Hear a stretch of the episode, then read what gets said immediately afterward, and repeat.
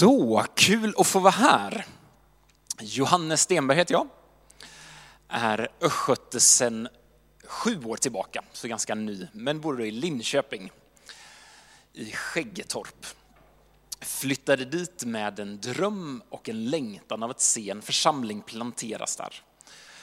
Och precis som Anton nämnde så finns en församling där, Nygårdskyrkan i Skäggetorp. Och jag ska Få får predika idag och slå tala lite om församlingsplantering, varför jag tror det är viktigt. Vi ber tillsammans. Tack Gud för ditt ord, tack att vi får läsa det. Jag ber att det ska få bli levande idag, att du ska få beröra oss. Det inte bara ska bli massa ord, utan att din ande ska få tala till oss och beröra oss. Tack att du är här. Amen.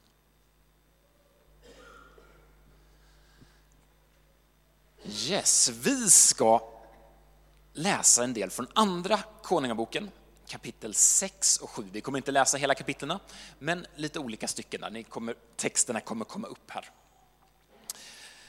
En ganska spännande text, tycker jag.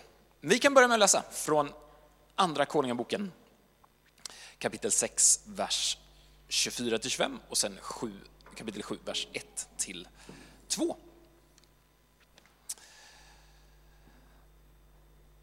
Efter en tid samlade Amoreerkungen Ben-Hadad hela sin här och drog upp mot Samaria, som han inringade. Under belägringen blev hungersnöden så svår i staden att, han till sist fick, att man till sist fick betala 80 siklar silver för ett åsnehuvud och fem siklar för en halv, duv, halv liter duvspillning. Elisa sade, lyssna till Herrens ord, så säger Herren, Imorgon ska man vid stadsporten i Samaria få ett mått siktat mjöl och två mått korn för en sikel. Då sade kungens eh, adjutant, om så Herren gjorde ett fönster på himlen skulle detta inte kunna hända. Du ska få se det med egna ögon, sa Elisha, men du kommer aldrig att äta av det mjölet. Den texten ska vi utgå ifrån. Vad har det här med församlingsplantering att göra, kan man fråga sig. Det vi ser här är en väldigt tröstlös situation. Det är rätt hopplöst för folket i Samaria, den här staden. Och Israel var nu ett delat rike. Det var Israel i norr och Juda i söder. Ni ser kartan där. Och i det här Israel som var Nordriket då, så var Samaria huvudstaden. Men det fanns ett folk som bodde längre norrut. Arameerna, eller assyrierna kallas de ibland också. Och de krigade gång på gång mot eh, de som levde i Israel och i huvudstaden Samaria. Och där, vi har någonstans runt år 850 f.Kr. och Elisha var profet.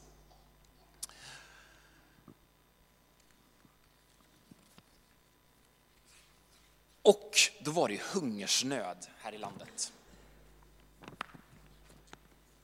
Ja, det krånglar här. Så, det var hungersnöd i landet. En halv liter duvspillning kostade 70 gram silver. Då inser man att då, då är det inte så bra ställt. Eller ett åsnehuvud, vad man nu vill ha ett åsnehuvud till, eh, kostade en och en halv kilo silver. Det var liksom desperation. Och man kan läsa i kapitel 6 också om hur det rådde kannibalism. Folk började äta upp sina egna barn för att man var så, eh, så utmärglade. Eh, behoven var så enorma.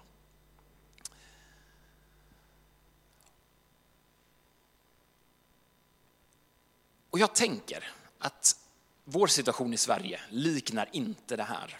Men på många sätt tror jag finns likheter av att vi som frikyrklighet har hamnat lite i en tröstlös situation. En liten hopplös situation. Och jag tror inte alltid vi går omkring och tänker så. Men jag tänkte ta lite statistik från en undersökning som Öyvind Tolvsen gjorde. Öyvind Tolvsen jobbar på Evangeliska Frikyrkan på Sverigeprogrammet. Och vart femte år så tar han fram statistik över hur har utvecklingen i frikyrkan i Sverige varit. Så mellan 2000 och 2015 har han tagit fram statistik. Och man kan se att de här sista fem åren finns det lite mer ljuspunkter än vad det fanns innan. Här ser jag lite statistik över antalet medlemmar som de sista fem åren nästan inte minskade. En marginell minskning. Men annars har det minskat varje år. Och det här lyftes fram i den här rapporten som åh, äntligen så börjar medlemstappet minska. Sanningen är ju bara den att Sveriges befolkning har ökat under tiden, så egentligen så har vi backat 4,5 procent på fem år. Och de sista 15 åren har vi tappat 16,6 procent i Sverige. Och vi är kanske lite vana vid att det är så, men kollar man runt om i världen, i andra länder, så är det väldigt få länder där den evangelikala kyrkan tappar mark. I de allra, allra flesta länder så växer den evangelikala kyrkan. I Sverige, Finland och några andra länder så är det tapp, men i de flesta länder så växer det. Vi kan också se att antalet församlingar som finns i Sverige läggs ner, eller minskar och jättemånga läggs ner. De sista tioårsperioden har lagts ner 668 församlingar. Det är rätt mycket församlingar. Det är mer än en i veckan, sex i månaden ungefär. Visst, det startas lite församlingar, 263, men man kan säga att varje eh, månad så läggs det ner sex församlingar och två startas. En ekvation som inte riktigt går ihop.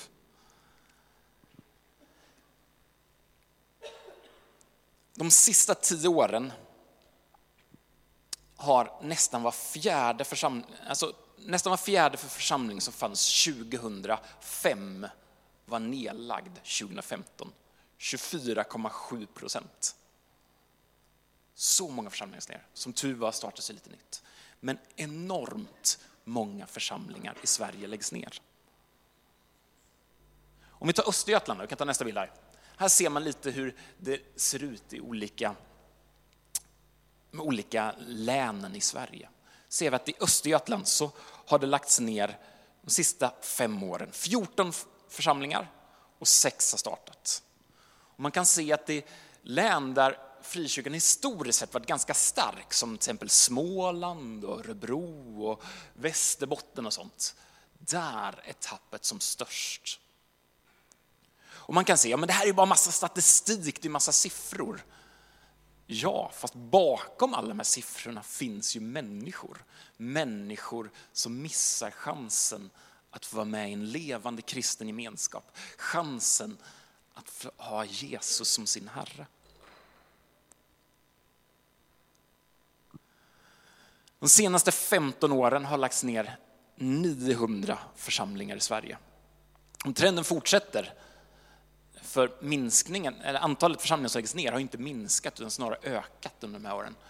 Så om det fortsätter på samma sätt så behöver vi plantera de kommande 15 åren 900 församlingar i Sverige. 15 år, 900 församlingar. Om vi dessutom räknar in befolkningsökningen och tänker att befolkningsökningen ungefär är samma, så behöver vi plantera 1150 församlingar för att frikyrkan inte ska tappa mark. Hade ni koll på den här statistiken?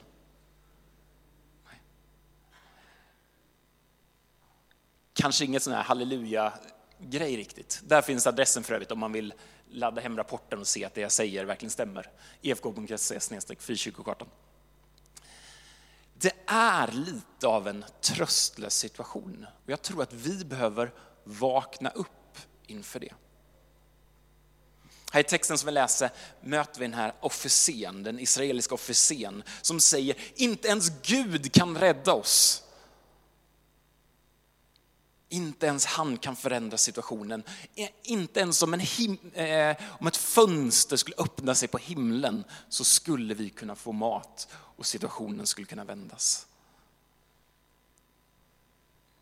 Men så finns Elisha där och han påminner om Guds löften.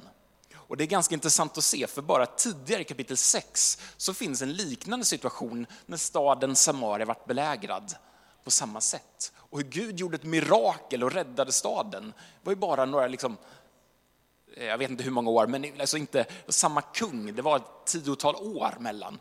Hade Gud gjort ett enormt mirakel och räddat staden. Nu så har man helt glömt bort det. Och det blir nästan, nästan lite tragikomiskt. Samtidigt så tänker jag att när man kollar på sitt eget liv så känner man igen sig mycket i det. Man vet att Gud har gjort mirakler. Men trots allt så glömmer man bort det i sin vardag och tänker inte riktigt att Gud kan förändra den där hopplösa situationen som man lever i just nu.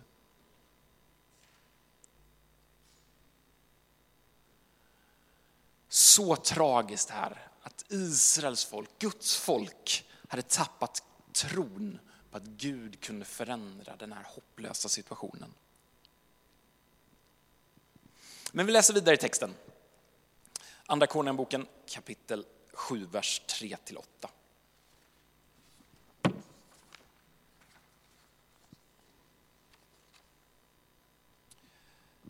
Utanför stadsporten satt fyra spetälska och talade med varandra. Varför ska vi sitta här och vänta på att dö, sa de. Bestämmer vi oss för att gå in i staden kommer vi att dö. Där härjar svälten. Stannar vi här dör vi också. Vi kan lika gärna gå över till arameerna. Låter det oss leva eh, så får vi leva och dödar det oss så dör vi. I skymningen började det gå bort mot arameernas läger. Men när det var framme vid utkanten av lägret fanns det inte en människa där. Herren hade låtit ett dån höras i arameernas läger, ett dån av vagnar och hästar, ett dån som från en stor här. Ryktet hade gått bland arameerna. Israels kung har värvat hetiterkungarna och kungarna i Musri för att angripa oss. Och det har brutit upp i skym eh, och så hade det brutit upp i skymningen och flytt. Tält, hästar, åsnor hade det låtit vara kvar. Det hade lämnat lägret som det stod och flytt för livet. När nu de fyra spetälska kom fram till utkanten av lägret gick de in i ett av tälten och åt och drack. De tog med sig silver och guld och kläder och gick bort och gömde det. Sedan kom de tillbaka och gick in i ett annat tält och tog vad som fanns där och gömde bytet.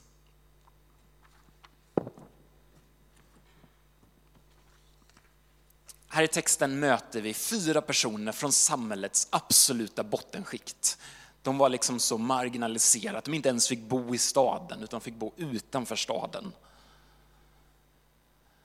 De levde där i utanförskap, förnedring och de var personer som ingen ville ha att göra med. Men Gud använde dem för att komma med ett mirakel. Gud använde dem för att vända den här totalt hopplösa situationen. De gjorde egentligen samma analys som de andra i staden och konstaterade att det är en riktigt tuff situation. Men trots det så tänkte de, vi går i alla fall. Vi går i alla fall. Vi tar en risk. Vad det blir av det, det vet vi inte. Det kunde bli ett misslyckande. Men tänkte, det är bättre att i alla fall försöka och göra något än att sitta här och misslyckas och ingenting händer. För sju år sedan flyttade Noam och jag från Stockholm, där vi bodde, eh, till Linköping. Vi hade då eh, sett den här statistiken, den presenterats tidigare och annan statistik. Och den här statistiken berörde oss djupt. För vi insåg, det här, det behövs planteras nya församlingar. Vi kan inte bara vara likgiltiga inför det här. Vi flyttade till Skäggetorp med drömmen av att se en mångkulturell församling startas där. Och när vi flyttade ner så var vi ganska unga, vi är fortfarande ganska unga, men ännu yngre då. Vi kände en hel del församlingsplanterare, visste, att, visste om flera församlingsplanterare som hade försökt plantera församling, men av olika anledningar så blev det inget, ebbade ut eller blev konflikter eller olika saker som gjorde att det inte blev någon bestående församling. Och vi visste att det var ganska stor risk att det här vi gjorde inte skulle bli något, men vi kände att vi måste gå i alla fall. Eh, och därför är ju nåden så stor att få se att det faktiskt finns en församling idag. Och vi kände att det steget vi tog var rätt. Vi kände att ja, men vi ska nog till Skäggetorp, men det var inte så, så tydligt för oss att det här var någonting som Gud tydligt hade sagt. Vi, vi kände det, men vi kunde inte riktigt ta på det. Men valde ändå att tro att men det vi känner, det är från Gud. Och det som var så häftigt för oss, det var att när vi väl tog det där steget, köpte en lägenhet i Skäggetorp, så visade det sig att det fanns andra människor från andra församlingar som bar på samma längtan. Och vi kunde göra det gemensamt. Men vi hade aldrig liksom mött de personerna om vi inte tog steget. Och de personerna hade förmodligen aldrig tagit det här initiativet att bilda en församling om vi inte hade tagit steget. Och Ryttargårdskyrkan som vi tog kontakt med, vi tog kontakt med flera församlingar, bland annat Ryttargårdskyrkan sa, kan inte vi få stötta det här? Vi drömmer om att se fler församlingar startas. De spetälska i den här texten, de är ju kanske inte riktigt vad vi tänker trosmänniskor. De var nog rätt skakiga när de gick till arameernas läger. Men de gick i alla fall. Och jag tänker att ofta har vi bilden av att gå i tro när allt känns rätt. Det är verkligen att gå i tro. Men egentligen tänker jag att det här är ju mycket mer tro. Att inte ha så mycket tro, inte ha så mycket känslor. Men att gå i alla fall. Och precis som Anton nämnde här så har Noomi och jag bestämt oss för att bryta upp igen för att, för att förhoppningsvis se ännu en församling i Linköping planteras. Och vi, Noomi och jag, är inte speciellt fyllda av tro inför det eh, känslomässigt, men vi tror att det är rätt. Vi vet att Gud har varit med tidigare och litar på det och väljer att gå. Och jag vill uppmuntra dig som kanske inte känner att du har så mycket tro för att någon ska bli frisk när du ber för den. Att fortsätta be i alla fall. Eller att fortsätta be och fortsätta dela din tro med människor du möter, även om du inte har så stark tro på att människor faktiskt kommer ta emot evangeliet. Men att fortsätta göra det i alla fall och lita på att Gud kan göra ett mirakel. När vi tar ett steg i tro så kan Gud öppna ett mirakel. Och det är precis det vi sen ser i den här texten. Vi läser vidare från Andra Konungaboken kapitel 7, vers 9 och sen vers 15 till 16 också. Men då sa de till varandra, det här är inte rätt. Här har vi stora nyheter och vi behåller dem för oss själva. Om vi väntar till imorgon bitti drar vi skuld över oss. Kom så går vi in till kungens palats och berättade. Vers 15 sen. Det gav sig av och följde efter araméerna ända till Jordan. Och längs hela vägen låg det fullt med kläder och utrustning som araméerna hade slängt ifrån sig under sin brådskande flykt. De utskickade återvände och rapporterade för kungen. Då drog folket ut och plundrade arméernas läger. Och så kunde man köpa ett mått siktat mjöl eller två mått eh, korn för en sikel som Herren hade sagt. De här spetälska personerna, de sa det här, om vi tiger drar vi skuld över oss. Jag tror det finns ett moraliskt ansvar kopplat till välsignelse. Och om vi ska vara ärliga så är ju alla av oss som sitter här ganska välsignade. Vi bor i ett land där vi har fred. Vi bor i ett land där det är religionsfrihet, där vi fritt kan samlas och vi fritt kan dela vår tro.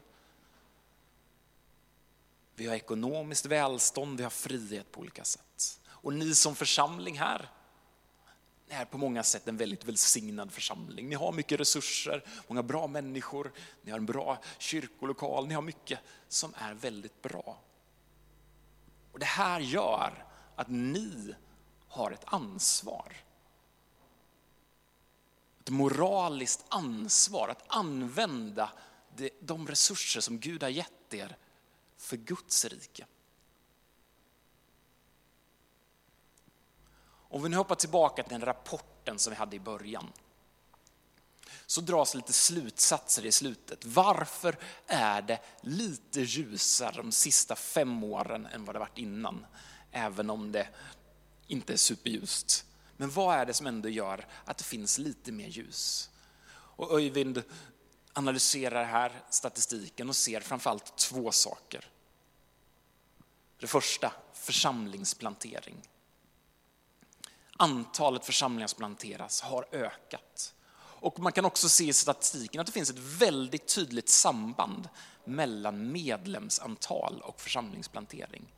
Där det har planterats mycket församlingar sista tiden, som Stockholm till exempel och Skåne och en del andra platser. Där har också medlemsstatistiken i frikyrkan ökat.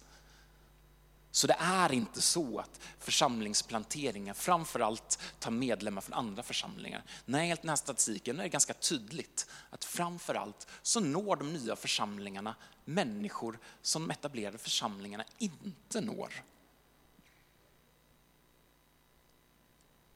Och det tycker jag också var tydligt i Linköping, i Nygårdskyrkan. De vi når, det är människor från Skäggetorp. Det är människor som Pingkyrkan, Ryttargårdskyrkan, eller Citykyrkan eller en annan kyrka förmodligen inte skulle nå. Så det, liksom, det påverkar inte, det är ingen konkurrens på något vis. För vi gör någonting som de etablerade församlingarna inte gör. Och de etablerade församlingarna gör saker som vi inte kan göra.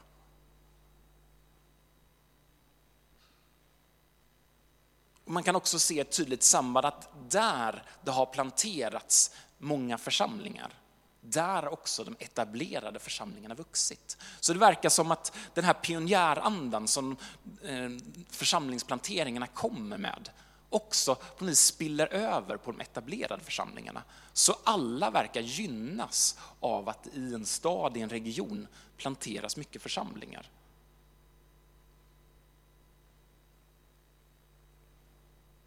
Så vad kan vi göra för att vända den här negativa statistiken? Jo, plantera församlingar är något som lyfts fram väldigt tydligt. Den andra saken som lyfts fram, det är något som har påverkat positivt, är migration. Många migrantförsamlingar har startats, alltså församlingar som har startats av människor från ett annat land som startar en församling i Sverige för att framförallt nå människor från ett annat land. Men det man också kan se är att svensk frikyrklighet har varit förhållandevis duktiga på att välkomna de som kommer till Sverige.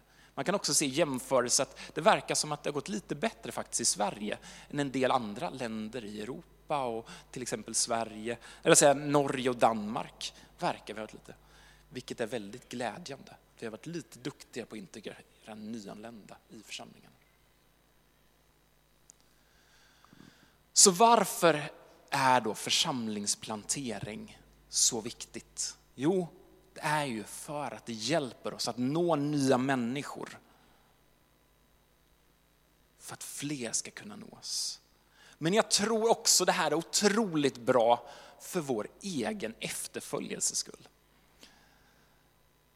För det tvingar oss att leva med, med ett tydligt missionsfokus. När Noomi och jag flyttade till Skäggetorp och det liksom inte fanns något, det var så uppenbart. Vi måste knyta nya kontakter, vi måste dela vår tro. Annars kommer det aldrig bli en församling. Det gjorde att vi fick ett helt annat fokus i det vi gjorde. Det vi kanske egentligen alltid velat göra, men som man lätt kan liksom komma lite i skymundan. Plötsligt så blev det mycket mer utmanande på ett positivt sätt. Och Noomi och jag är så tacksamma över att vi tog det här steget, för det har gjort att vi liksom utsatt oss för saker där vi blev beroende av Gud och där vi fick växa i vår relation till honom. Så vi behöver församlingsplantering för att nå nya människor, men också för vår egen skull, vår egen efterföljelse.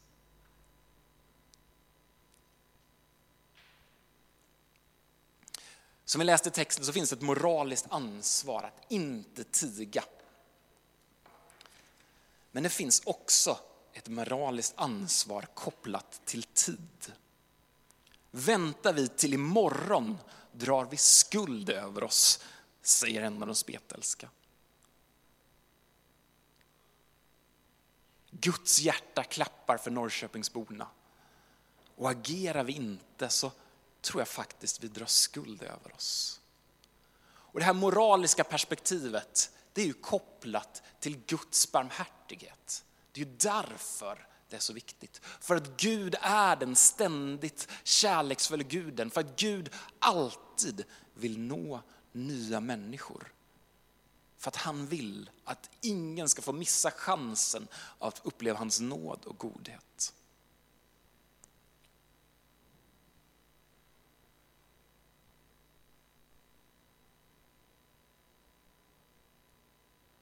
Vi tar fram nästa bild här. Här ser vi från början så kostade ett, kostade ett åsnhuvud ett och ett halvt kilo silver. Fem deciliter duvspillning kostade 70 gram silver. Dagen senare kostade 12 kilo mjöl 14 gram, 24 kilo korn 14 gram. Det som var helt omöjligt, det kunde Gud vända. Och jag tror att vi behöver förstå att Gud kan förändra situationer. Men vad var det som krävdes för att undret skulle ske? Jo, det var några lite galna personer kanske man kan säga, som vågade säga, men jag går i alla fall. Behoven är enorma, det kanske inte hjälper, men jag tänker gå i alla fall. Jag tänker i alla fall göra någonting. Och vi får lita på de löften som Gud har gett. Att se att mirakler kan komma, att negativa trender kan vändas. Och vi får gå tillsammans med Gud.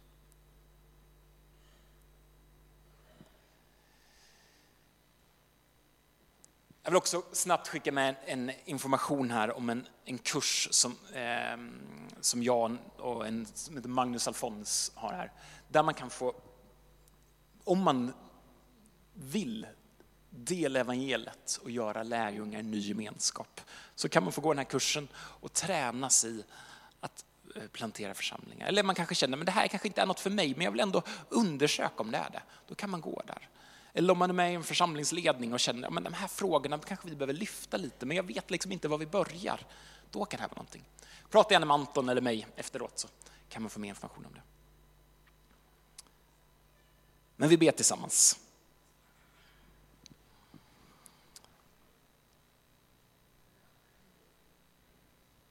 Tack Jesus att du är så stor. Tack att du har all makt.